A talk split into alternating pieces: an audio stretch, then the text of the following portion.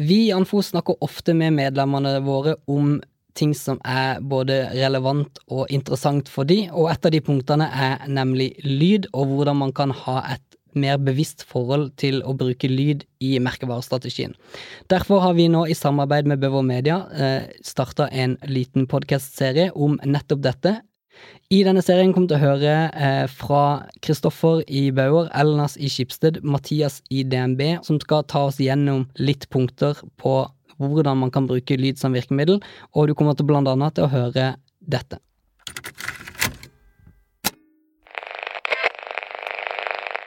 Det å være best mulig og mest, mer, altså mest mulig løssluppen handler egentlig om at du har en god plan og en god idé og en god regi. da. Det er en merkevaremarkør på lik linje med alle andre merke, vanlige merkevaremarkører. Eh, som logoer, farger, bilder eh, osv. Så, videre. så det er helt klart en, en viktig aspekt å ta med i, i beregningen. Da. Jeg tror det er mange som lager podkast for første gang og sånn, tenker at ok, men er, jeg har en mikrofon, jeg har en PC, jeg kan bare spille inn, ikke sant. Mm. Og jeg har en idé, da. Eh, men desto mer du kan planlegge, desto faktisk mer profesjonelt blir det, og det eh, mer avslappa blir det for den som hører på, da.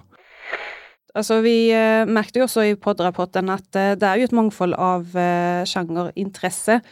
Men det er jo soleklart største interesse etter eh, humor.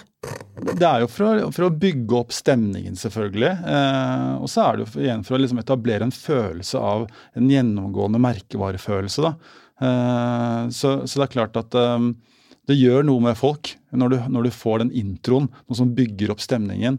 Eh, og det er det som er så interessant med lyd, at du kan bruke det på så utrolig mange forskjellige måter. da. Det er ikke intuitivt, egentlig. Man tenker at eh, når, når, det høres spontant ut, så er det ikke planlagt, men det er det ofte. da. Krim har blitt eh, veldig stort og veldig sånn tørst etter det blant den norske befolkningen. Så... True crime-elskende Norge? Ja, virkelig. Ja, det er virkelig tatt av med, med crime-biten.